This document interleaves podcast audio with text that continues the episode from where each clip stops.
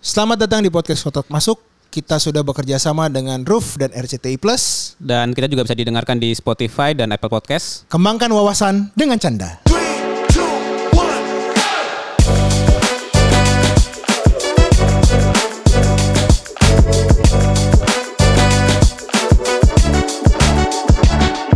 Selamat pagi, siang, sore, malam. Bro Halo. Bang Moses. Aduh, ini kayaknya kita udah September September cerita tapi gua agak lemes nih. Lemes kenapa Bang? Iya, kita semakin semakin mendekati 2023. Waduh, 2023 kenapa? Santai aja kali. Enggak, banyak loh yang belum gue achieve selama ini aja. Jiji jiji deh lo bodo amat. Tapi kita mau opening dulu dengan kita sudah bekerja sama dengan Anchor App yang bisa digunain untuk mempublish podcast-podcastnya. Ya. Dan apalagi nih Jadi buat teman-teman yang mungkin ngerasa punya knowledge gitu ya atau cerita, ceritanya juga bisa cerita pertemanan atau cerita Percintaan. pernikahan Nah, gitu kan, nokta merah perkawinan gitu. bisa bisa bisa di menggunakan Anchor App dan Ya. hari ini juga kita masih menggunakan komika.id dan Soundlit. Ya.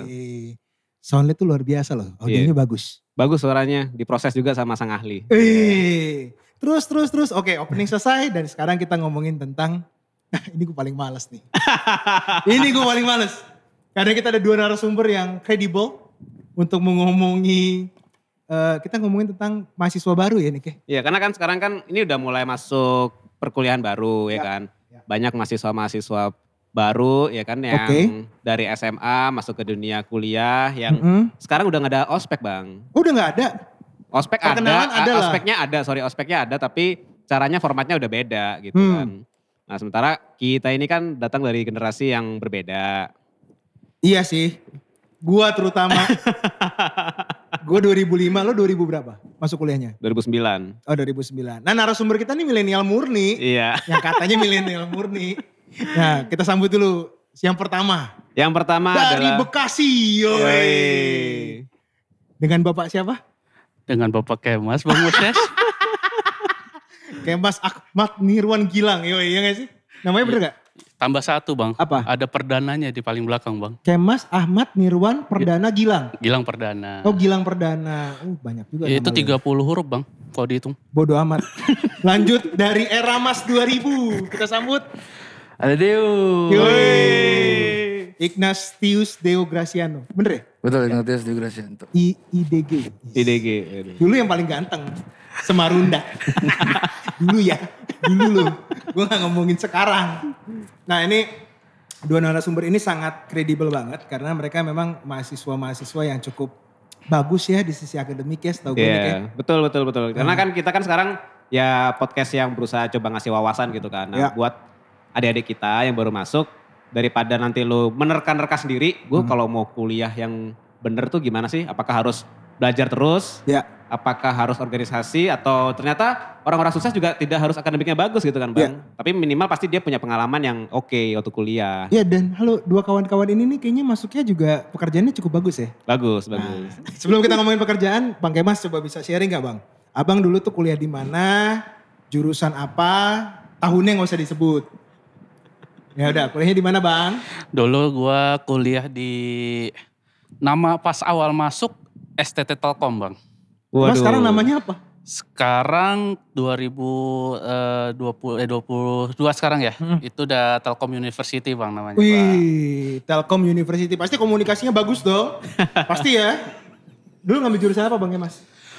Dulu pas awal masuk gua ngambil teknik telekomunikasi. Cuman setahun gua review, Oh, baru tahu gua gue. pindah jurusan jadi teknik industri bang. Oh, bentar. Ini baru lu ngaku nih anjing. ngaku. Jadi lo Jadi pertama tuh telekomunikasi. Iya bang. Jadi eh, karena waktu gue pengen masuk coba telkom tuh apa sih jurusan yang paling top gitu ya. Hmm. Wah teknik telekomunikasi, gue masuk aja teknik telekomunikasi. Ah. Tetapi seiring berjalannya waktu setahun itu kayaknya bukan passion gue. Emang pasti sih. Iya, akhirnya ya gue pindah lah. Dengan segala macam gue nego dengan dekan, Iya, segala iya, macam iya. akhirnya gue bisa pindah ke teknik industri bang. Anjing. Dulu Eh. dulu dulu STT Telkom tuh eh, salah satu tujuan kampus yang lumayan terkenal di tempat gua gitu. Sampai Jadi- sekarang lah. Sampai Kenapa sekarang. nih? Karena nanti Iya. bisa kerja di Telkom. Karena di Bandung kan ya? Iya, Iya, karena di Bandung. Dingin. Karena di Bandung kan banyak perusahaan. Nah, ya, banyak. tapi yang bapak satu lagi nih yang dari era Mas 2000 Nah, bisa ngomong ini, nih. ini adalah masternya nih, ultimate-nya. nih. Ba- bapak lulusan mana? gue di ITB S1 Wih. Institut Teknologi Bandung. Bandung ya, Iya. bukan Bekasi ya. Institut Teknologi Bandung, jurusan Jurusannya desain interior. Desain interior. Interior. Udah pasti rumahnya bagus ya. Ini berarti ya. satu alma mater sama Bang Panji nih. Hmm, Ya, betul, gue satu sama sama Bang Panji. beda tahun aja. Iya, iya, iya. 190-an lo tahun berapa yuk? 2009. 2009 Bang. 2009 ya. Berarti emang generasi gue aja yang agak jauh.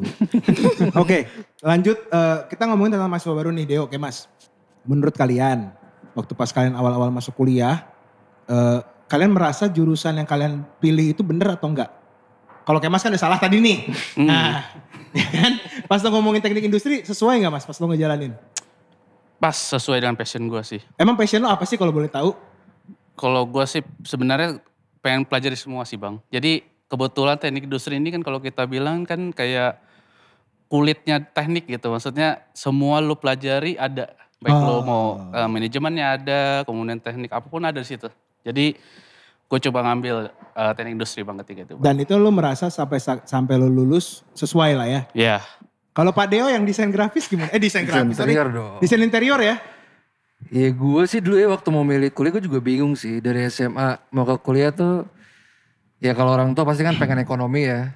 Ya. Dulu gue sempet bahkan nyokap gue tuh tanpa gue tahu dia tuh daftarin gue ke Atma bang ekonomi. Atma Jaya. Atma Jaya. Oke. Jadi dia udah daftarin tiba-tiba dia bilang, deh besok kamu tes gitu lah.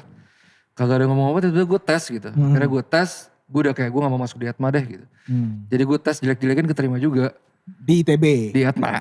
Oh di Atma. Iya, waktu itu gue ketama. Cuman waktu itu gue nggak, gue pengen cari tempat lain gitu. Karena waktu itu coba ITB, ambil SBM yang sekolah bisnis atau yang interior design gitu. Ini mandiri atau apa jalurnya? Kayaknya yang udah deket-deket deh, itu mandiri kayaknya. Dekat-dekat. Deket-deket Bukan bukan kita- yang nasional barengan. Bukan, bukan, bukan Oh, nasional iya, barengan. iya. Oh ya mandiri lah. Nasional barengan gue waktu itu pengen UI nih, cuman kan langsung terseleksi tuh sama alam.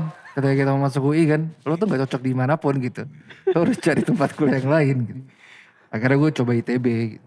Dan di Bandung. Dan di Bandung. Ngekos. Ngekos. Ngekos. kos. bebas bang, bebas. Hmm. Oke lanjut. Nik lo mau tanya apa ke mereka nih? Ya, nah waktu selama kuliah itu apa sih kalau misalnya ambil ambil singkat aja ya selama empat tahun apa aja yang kalian lakukan selama kuliah secara ini aja apa singkat aja gitu Lo mas apa mas? aktivitas lu selain jadi mahasiswa atau ngapain sih gitu Ya yang jelas kita organisasi lah bang. Jadi Organisasi apa sih yang lo ikutin? dulu dulu waktu itu kan awal awal kuliah itu masuk masuk masuk masuk BEM gitu ya masuk badan Oh lo masuk badan eksekutif mahasiswa. alhamdulillah masuk situ Di bang bidang apa kalau boleh tahu? Konsumsi. dulu politik internal kalau saya tidak salah Politik internal. sesuai. apa tuh apa tuh Politik internal ya? coba, coba bisa dijelasin nggak Iya politik politik. ya intinya sih eh, kita ngurusin bagian dalam negeri kampus lah istilahnya Oh baik kayak misalnya kurikulum. kurikulum kemudian kita juga eh, ngurusin dengan eh, apa bagian rektorat gitu Oh emang gak jauh-jauh sama pekerjaan lo ya ternyata ya. Gila lo ini baru pengakuan lo. Iya, iya. Sepanjang gue kenal Kemas dia gak pernah ngomong kayak gini. Jadi lo aktif di BEM berapa tahun? waktu itu gue di BEM ya setahun aja bang habis itu gue pindah ke himpunan Nah, himpunannya apa?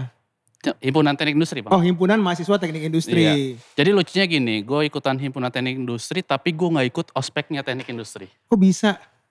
Ya bisa bang. Karena lo memang punya aura ya untuk memimpin ya. itu ada networknya lah.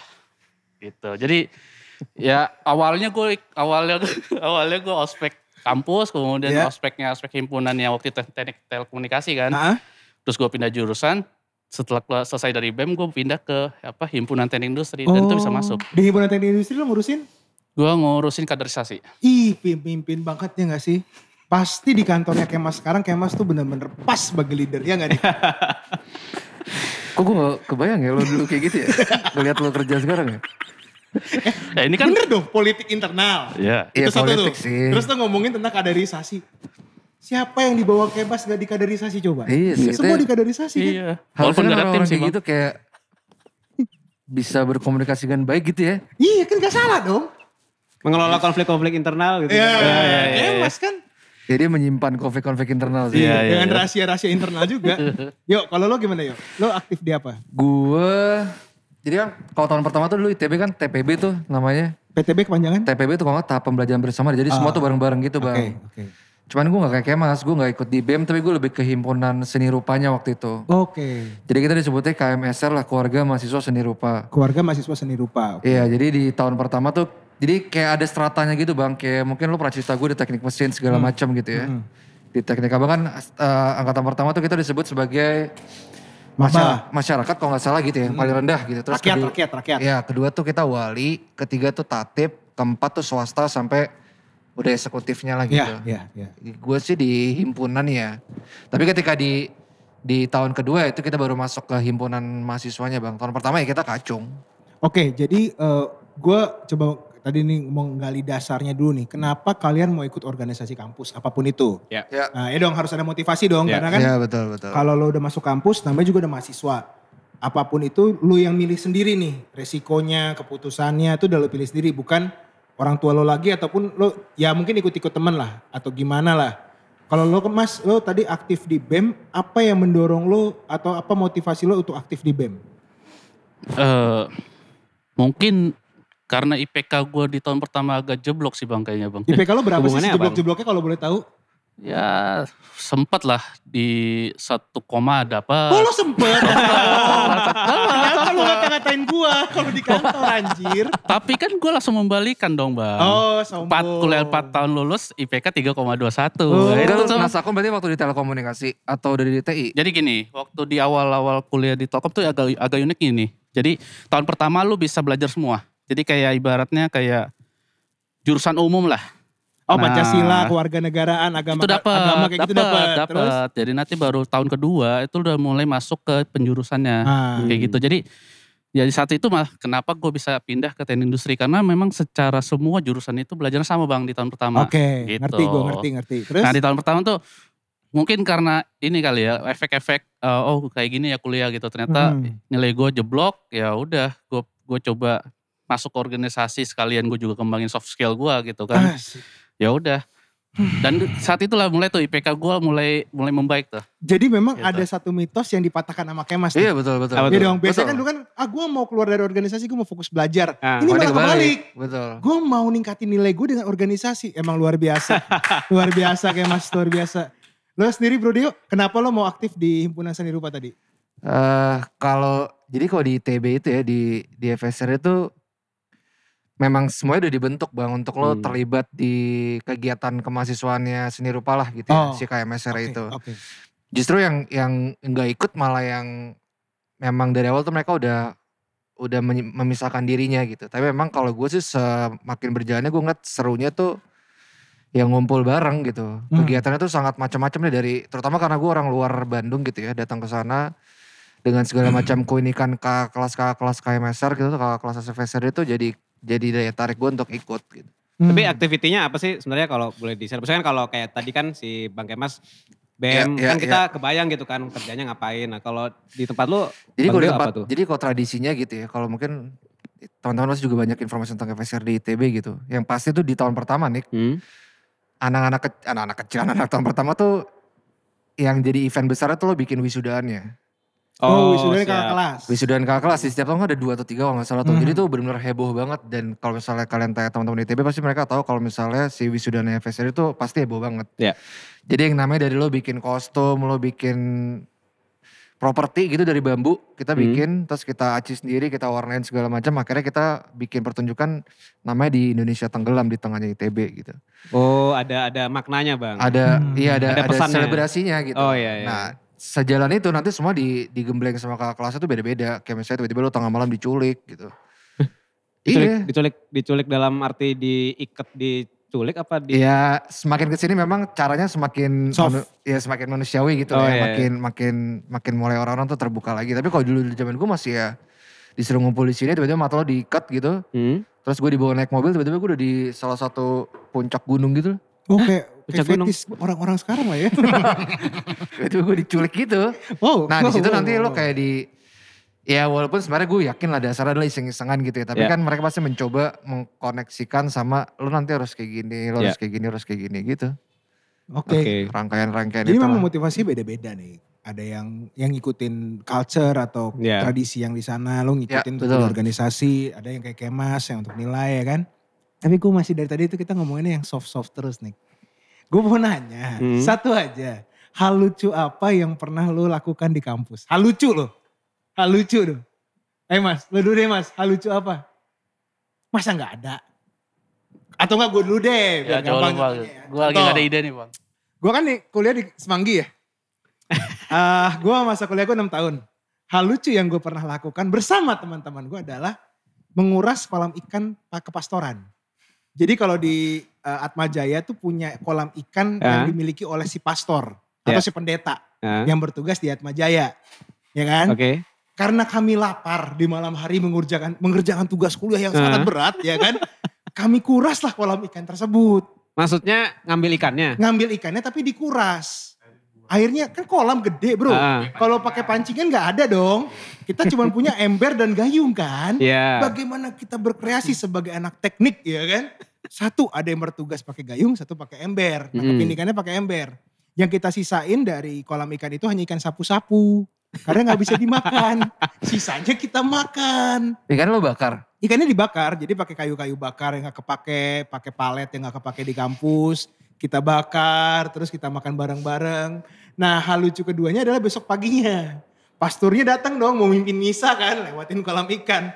Kok kolam ikan saya tinggal ikan sapu-sapu. Akhirnya kita dipanggil kan. Mana kalian ini yang makan? Iya pastur kami mohon maaf namanya juga lapar. Kan kalau Tuhan Yesus kan Hmm. ngasih lima roti sama dua ikan kan. Tolonglah pastur buatlah mukjizat. Nah itulah hal lucu yang gue lakukan. Tapi memang kita tanggung jawab kita ganti lagi. Karena kita beli gitu loh. Ayo ada dong, ada dong yang lucu dong di kampus kalian dong. Aku nggak harus lucu ya mungkin tapi unik. Mengesankan gitu. lah. Iya mengesankan. dilupakan gitu. lah.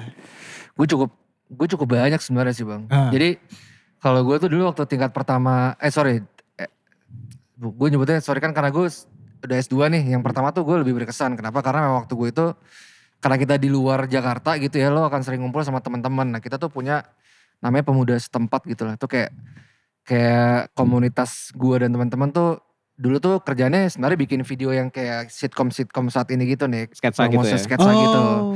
Tapi awalnya tuh kita bermula dari kita ngisengin orang-orang di ITB. Oh, Oke. Jadi kayak dulu tuh kalau kalian bayangin tuh di ITB tuh ada ATM. Oke. ATM gitu kan. Nah waktu itu kita habis bergadang, habis bangun properti segala macam. Tiba-tiba ada orang masuk tuh sebelum masuk dia ngerokok dulu. Hmm. Terus waktu dia mau masuk ATM kan karena orang AC kan rokok harus ditinggal di luar kan. Hmm. Taruhlah di bawah sama dia gitu. Hmm. Terus dari jauh nih kayak orang ambil duitnya agak lama nih gitu. Terus rokoknya kita ambil. Terus kita ngerokokin rokoknya dia. Terus dia keluar. terus "Lah, rokok gue mah terus dia masuk lagi. Dipikir dia bawa rokok ke dalam kan. Hmm. Tapi kan gak mungkin bawa rokok ke dalam kan. Dia cari di dalam lagi. Gak ada. Terus lagi rokok gue mana gitu. Nah waktu dia masuk lagi. Kita taruh lagi di bawah tuh rokoknya. bekas kalian bangke, bangke. Terus, Terus? dia keluar, dia ada lagi. Hah kok ada lagi? Terus dia kayak garu-garu kepala terus dia cabut gitu.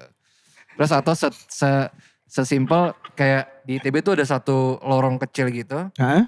Itu itu adalah jalur dari luar sampai belakang Oke. dari atas Hmm. sampai bawah kalau di UI gitu ya nah kita tuh nongkrong di samping-sampingnya situ terus kayak ada pokoknya sering banget kayak orang lain tuh tiba-tiba gue kayak eh lu ini ya gitu gitu kayak sosok kenal gitu loh saya sosok deket gitu lo iya. misalnya gini lo Moses ya terus kan dia juga enggak gue enggak tapi gue inget lo tuh temen kelompok gue kalau gitu. Gitu. gitu banget. ya terus Terus, kayak, terus. Terus dia kayak, ah serius? Yang mana yang ini? Nah, loh? iya, iya. segala macam kan.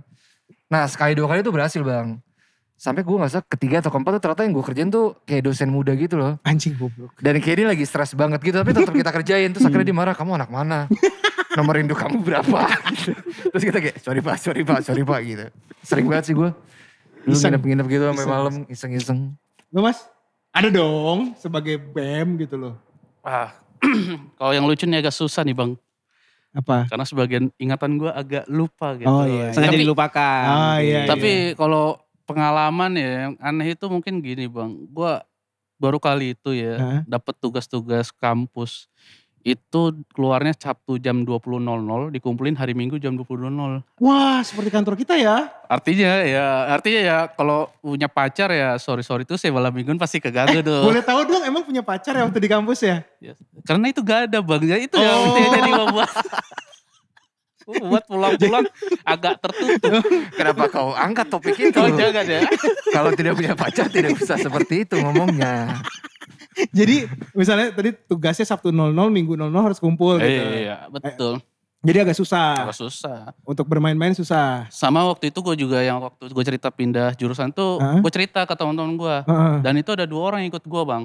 Oh, Galuh juga sendirian? Gue berarti? sendirian. Hmm. Dan dari dua orang yang itu, akhirnya satu keluar. Oh, nggak nggak Pindah lulus. kampus, pindah kampus, Nggak- pindah kampus. Nggak kuat lah ya. Mungkin gak kuat. Wah Oh. gue jadi merasa berdosa gitu kan. Heeh. karena lu ngajak berarti. Dia bilang gak ngajak, gak ngajak. Cuman kayak mempengaruhi gitu. Anjir, emang sih kebiasaan lu Iya, sih iya. itu sih. Nah, jadi kalau kalau dari cerita-cerita mereka ini kayak Iya. gue sih udah kebayang sih kelucuan-kelucuan mereka sih. Tadi gue mau nyerempet ke satu ini tapi topik nggak usah lah ya. Kita ngomongin tentang ini aja dulu. Eh, nilai-nilai apa sih yang lo bawa dari kampus? Kan lo nyeret kan 4 tahun ya? Iya. Ya kan? Lo yang lo bawa yuk pas dari ITB desain interior itu yang lo bawa pas lulus nilai-nilai apa yuk? Maksudnya ke dunia kerja atau selalu Enggak setelah lulus aja. Ibaratnya lo ngerasain misalnya nih tadi lo ngomongin pertemanan, lo ngomongin tentang eh, mungkin kedekatan, Ya. brotherhood, atau ke komunikasi. Lo kita nggak ngomongin dunia kerja dulu. Lo pas lulus, lo ngerasa anjir nilai ini nempel banget di gue nih gitu loh. Kalau gue sih yang di TB tuh kekeluargaannya sih ya. Kekeluargaan ya? Lebih mungkin tadi Niko bilang networkingnya gitu. Lebih ke gimana lo akhirnya punya eh, hubungan sama atas, bawah, sama yang se, sama yang selevel sama lo tuh sangat penting gitu. Oh.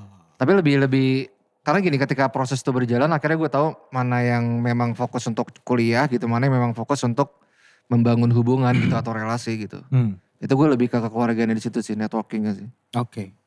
Kalau eh jangan kayak Mas mulu ah. Lo belum ngomong apa-apa lo enak banget lo ngirit ngomongnya. Kita kan bagi empat ini. Tadi Nilai. apa pertanyaannya bang? Nilai-nilai apa yang lo bawa dari kampus eh, kuning lo itu tuh? Harus kuning. ya jadi kalau apa yang nilai gue bawa ya? Yang gue bawa sebenarnya pada saat gue kuliah, gue memang rada lumayan eh, fokus di akademik sih bang. Jadi Oh iya benar. jadi emang ya Kelihatan sih. Jadi tapi gue semester satu gue juga nggak bagus sebenarnya gitu. Ya benar. Semua orang merasakan itu. jadi terus. ya jadi gini, gue kan SMA di Surabaya, ya kan.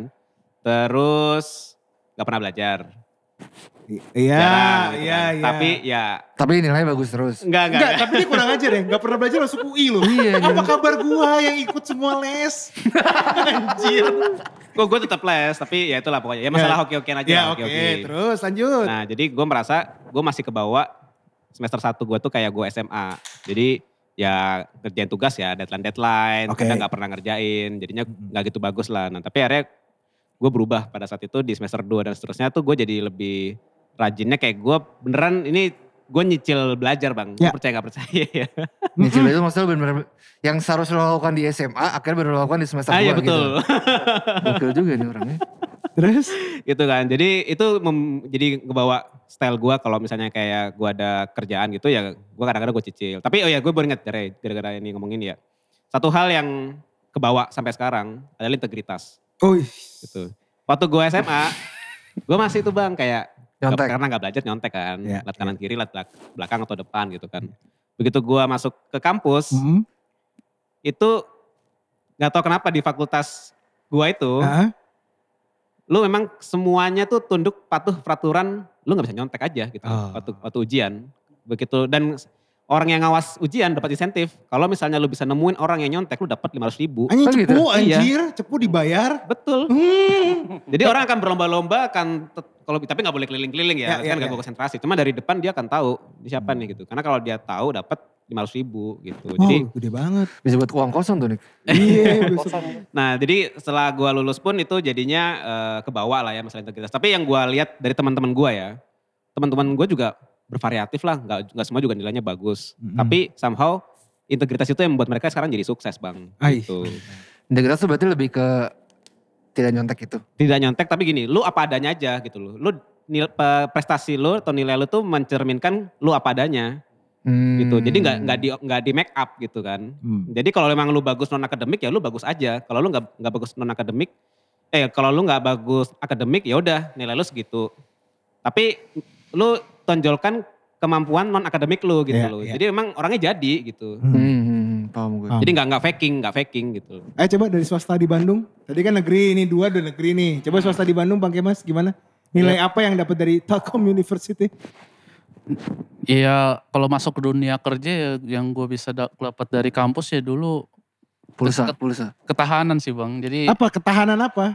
jadi ibaratnya gini kalau Dihina gitu ya dengan kerjaan yang tinggi gitu jadi ya. workloadnya tinggi Hmm. atau variasi Oh. kerjaannya nah, itu karena dulu tugasnya banyak di kampus ya jadi fine fine aja biasa gitu loh. Oh gitu.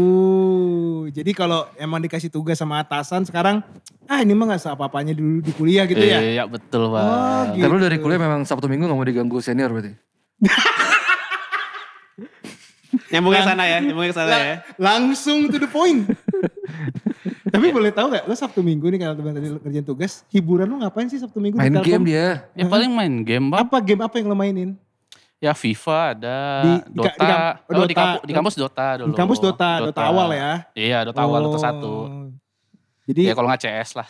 oh CS. Pokemon belum main ya? Belum. Belum, belum ada Belum bang. Ada, ya, ya, ya. Jadi memang nilai-nilai di kampus itu bervariasi lah ya Nick ya. Karena ya sama lah lo mau di negeri ataupun eh, swasta. Ya. Sebenarnya udah tergantung diri lo sendiri ya. Untuk ambil nilai-nilai apa yang bisa lo ambil di kampus. Karena kan, ah, ini gue ke pertanyaan selanjutnya juga nih. Kayak sekarang nih kalau lo, tak gue yang tahu, sorry gue tahu sekarang. Masuk kuliah sekarang tuh nyaris 200 juta sampai 190 juta nih. Whole Hmm. selama 4 tahun. Which is tuh kayak naik SKS gue aja zaman gue tuh 110 ribu tuh. Oke. Sekarang udah di 300 sampai 400 ribu per SKS. Ya tiga kali lipat, empat kali lipat lah nilainya ya. Nah ini kan udah biaya kuliah mahal nih. Ya. Nah gue mau nanya dari lo pada kalau lo ketemu adik kelas lo dan lo menjadi narasumber di anak baru. Misalnya nih ya, Iya, iya, iya. ini kita berandai-andai di podcast ini. Lo ada di depan mahasiswa baru dan lo harus memberikan saran kepada adik-adik lo untuk kuliah dengan baik dan benar. Nah, kita mulai Versi kuliah baik dan benar versi lu. versi lo. Nah, Gitu. yang tadi kayak Mas bilang, ya gue dengan sombongnya pernah nasakum dan 3,2, ya terserah ya kan. Iya, iya. Ya itu terserah. Ya pokoknya misalnya gue tanya ke Niko dulu, Niko, Deo, Kemas. Nah, Malu menurut terakhir ya. nah gue terakhir. Nah, lo, lo misalnya di depan lo nih maba nih Nik, Hmm. apa yang lo akan bilang ke mereka?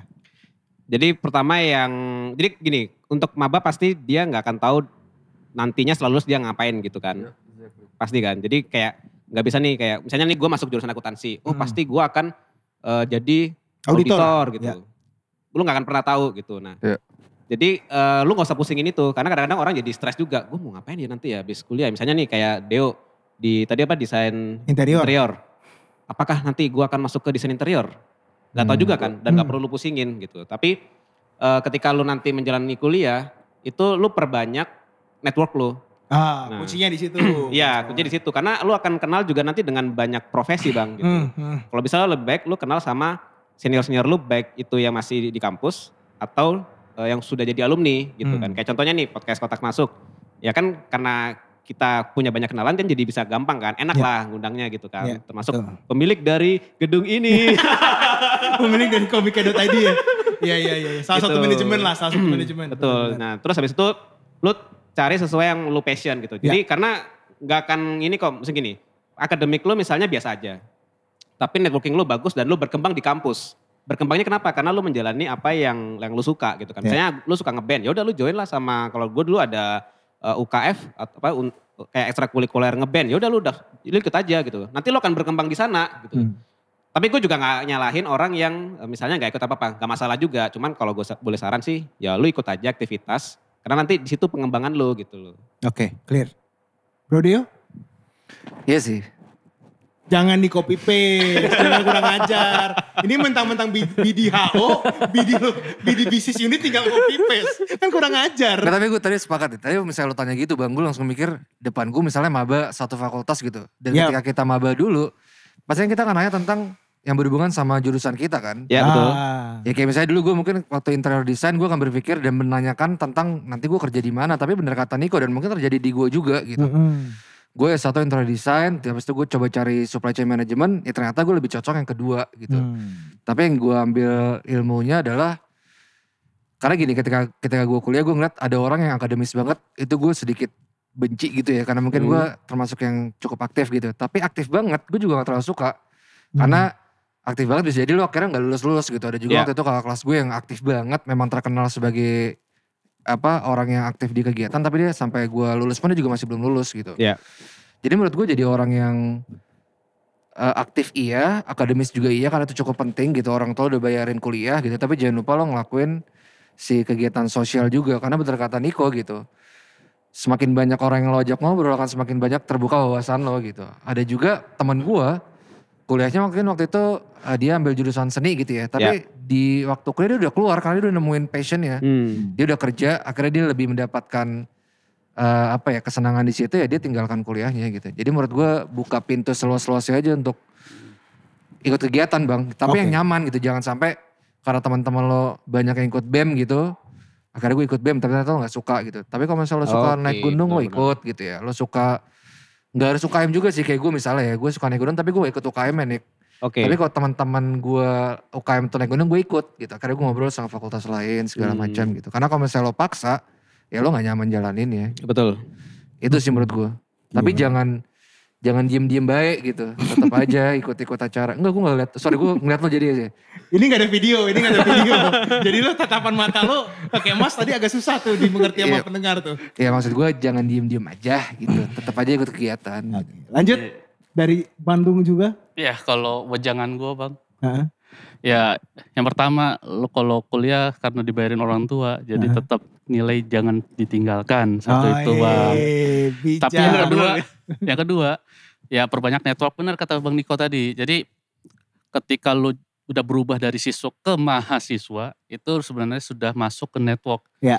Karena kalau gue bilang sih, ya mungkin sekarang kaum kaum milenial lah ya, kaum kaum milenial mungkin secara pergaulan jauh lebih besar gitu ya, Iya, networknya segala macam. Nah, apalagi dengan network nanti, apa network nanti, lu kan bisa entah mungkin nanti bisa bikin startup gitu kali mungkin atau bisa bikin bisnis. Nah, itu kan tujuan-tujuan itu kan setelah lu lulus kan bukan berarti lu langsung kerja. Bisa jadi lu punya bisnis punya startup sendiri gitu kan. Itu juga menjadi kunci salah satu apa namanya supaya kita berkembang sih bang. Ih, itu sih kalau menurut gua bang. Gila, gila. Insight-nya tuh ngeri-ngeri kayak beda-beda tipis Wisdomnya, sama si wisdomnya iya banget ya, Iya. luar biasa ya.